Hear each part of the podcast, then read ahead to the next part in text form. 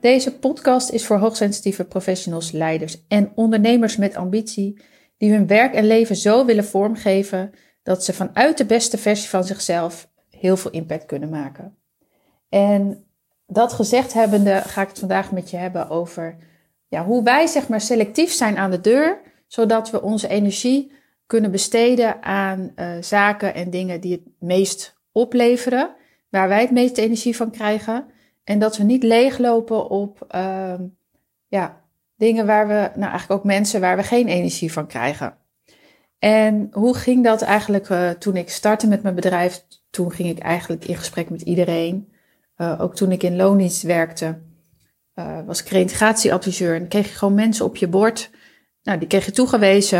Daar deed je een intake mee. En dat ging je gewoon een traject mee starten. Die mensen kwamen gewoon via werkgevers of via het UWV op je pad.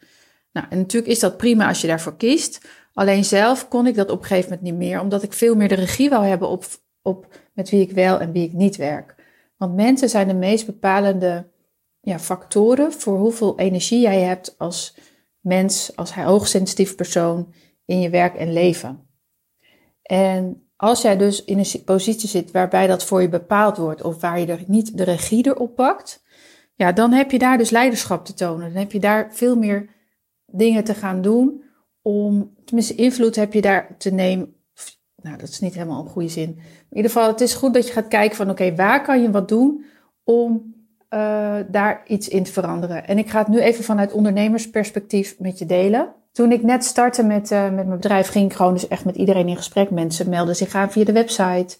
En op basis daarvan ging ik in gesprek. Uh, verkocht ik ofwel een traject of geen traject. En nou ja, ik had volle dagen, ging met iedereen in gesprek. Soms had ik gesprekken met klanten of potentiële klanten waar ik echt geen energie van kreeg. En dat ik dan daarna ook helemaal leeg liep. Ik weet zelfs nog dat ik een keer een klant had waar, waarbij, ik op een gegeven moment gewoon heb moeten zeggen, nou we stoppen ermee. Omdat het meer een psychopaat was dan iemand die uh, geholpen kon worden. Op een gegeven moment ging hij ook uh, mij allemaal problemen aanpraten. En ja, het was echt gewoon bijna gevaarlijk ook. Het was echt heel heftig ja, in de, loop van de tijd ben ik steeds selectiever geworden in met wie ik wel en niet in gesprek ga. En dat deed ik dus door mensen een formulier in te laten vullen van oké, wie ben je, wat doe je? En dat ik al wat informatie had. En dan kon ik kijken van nou, ga ik al met je in gesprek. Maar ik was er altijd nog wel heel loyaal in. Zo van als iemand dan een formulier invulde en het waren twee antwoorden van de tien, dacht ik nou ja, in het gesprek kunnen we altijd nog even kijken hoe het zit. Uh, op een gegeven moment ben ik dus ook nog wel mijn prijzen op de website gaan zetten. Want wat er ook gebeurde is dat als ik dan in gesprek ging met mensen en ze hoorden de prijs van het programma, dat ze zeiden: Oh, maar dat kan ik niet betalen. En dat ze dan daardoor nou ja, afhaakten. En had ik dus best wel tijd en veel tijd en energie ingestopt. En ja, die had ik ook ergens anders in kunnen stoppen. En zo ben ik eigenlijk in de loop van de jaren steeds selectiever geworden in wat ik wel en niet doe waar ik wel mee in gesprek ga. Uh, ik ga ook niet zomaar met mensen koffie drinken. Uh, als ik ergens voor gevraagd word, ga ik heel erg selectief kijken van, oh, voor, met wat voor mensen is het? Vind ik het interessant om erover te delen? Ja, dus zo ben ik heel of, uh, selectief in of het, of het me energie oplevert of dat het me energie kost. En op dit moment, ik heb, je merkt, ik heb nog een beetje kikker in mijn keel. En dat is nou eenmaal het onderdeel van het astma-stuk wat gelukkig heel beter gaat. Ik wil het ook niet steeds benoemen, maar misschien schakel je net in en dan weet je hoe het komt dat ik af en toe een beetje een uh, schorre stem krijg. Nou, en dat is dus ook voor mij nog een reden, gelijk even een bruggetje, om selectiever te zijn in wat ik wel en niet doe met mijn tijd. Als ik mezelf helemaal volstop met gesprekken die uiteindelijk nergens op uitlopen, ja, hoe kan ik dan groeien? Hoe kan ik dan verder ontwikkelen? Want dan stop ik tijd in dingen die niks opleveren. Nou, hoe we het nu geregeld hebben is dat als je je aanmeldt bij ons voor een coachingstraject is dat je eerst je gesprek inplant. Daarna krijg je een formulier wat je in moet vullen. En eerst dachten we ook nog wel van nou, het formulier is niet helemaal ingevuld, dat geeft niet. Maar we hebben nu echt de schrifting gemaakt van dat als je hem niet helemaal invult, krijg je gewoon een reactie van joh, we zien dat je formulier niet helemaal op ingevuld, wil je het nog aanvullen? Uh, en anders gaan we gewoon het gesprek echt niet aan. En het eerste gesprek is altijd met Katie. En dan ga je even in uh, ongeveer een half uurtje, ligt even aan de situatie, kijken van oké, wie ben je? Uh, wat is voor jou belangrijk? Waar sta je nu? Waar wil je naartoe? En hoe kunnen wij je helpen jouw doelen te behalen? En alleen als het passend is, en als jij zegt van ja, ik wil hiermee aan de slag, dan pas ga je in gesprek met of een andere coach of met mij. En ik zei net ook van, nou ja, als je het formulier niet invult, niet volledig invult, gaan we dus ook het gesprek niet aan. En dat vind ik best wel spannend. En uh, nou eigenlijk nu al niet meer, maar dat vond ik wel. Want dit zijn allemaal van die keuzes waarbij je denkt van, oh misschien, of anders doe ik de ander tekort. Um, want misschien dit, of misschien kan ik hem of haar toch helpen.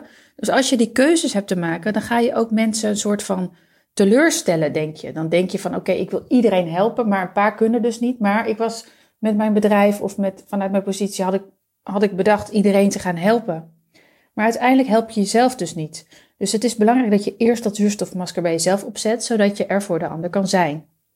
En daarom hebben wij nu ook, want de afgelopen tijd hebben we best wel weer veel gesprekken gevoerd, waarbij mensen ook nou, het gesprek aangaan. En dan moeten ze het bij de werkgever voorleggen, bijvoorbeeld, om een, uh, ja, om een traject bekostigd te krijgen.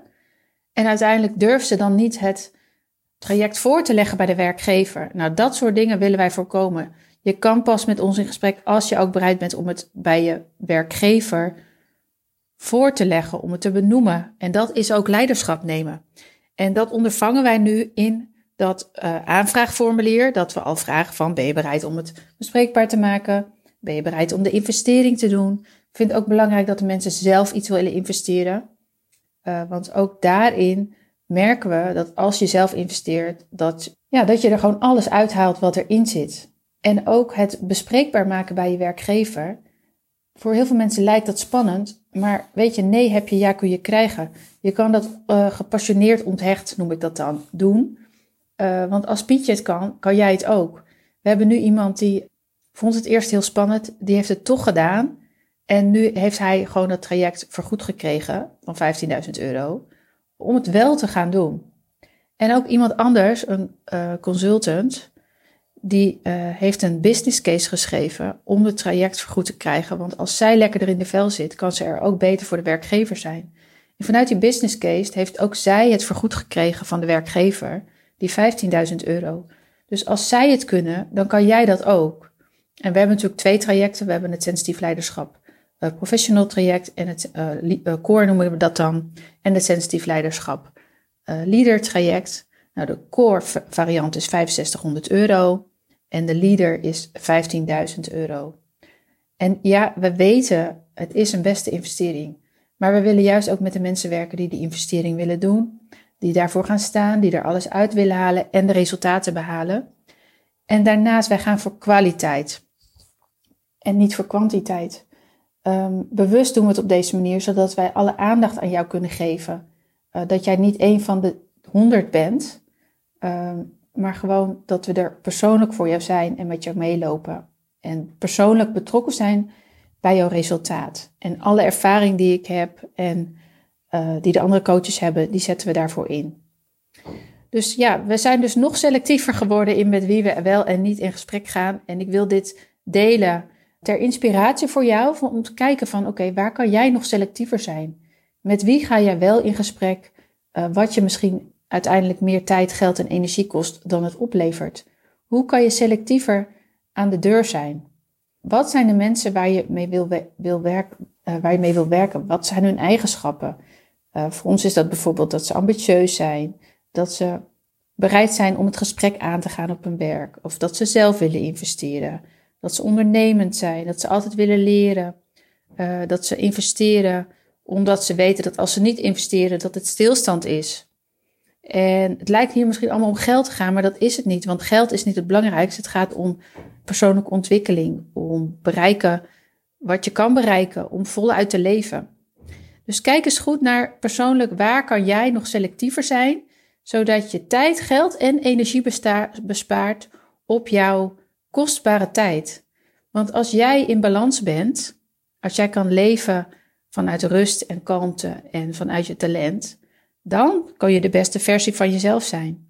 Als ik met iedereen in gesprek ga en dan daarna ook nog een coachcall heb met een van mijn superleuke klanten, dan kan ik er niet meer voor diegene met 100% zijn. En dat is daar waarom ik mijn energie bewaak om een voorbeeld te zijn en om er voor hem of haar te zijn. Dus ik ben heel benieuwd wat dit met je doet en hoe jij energie gaat uh, besparen de aankomende tijd op deze manier. Dankjewel voor het luisteren. En uh, als je wilt reageren hierop, hartstikke leuk. Stuur me een persoonlijk berichtje via LinkedIn of via Instagram. En als je me nog wat sterren wil geven, dan uh, in de podcast-app waar je nu aanwezig bent. Hartstikke leuk, dank je wel daarvoor. Want op die manier kunnen nog meer mensen luisteren naar uh, de HSP en Werk podcast. Dank je wel voor het luisteren.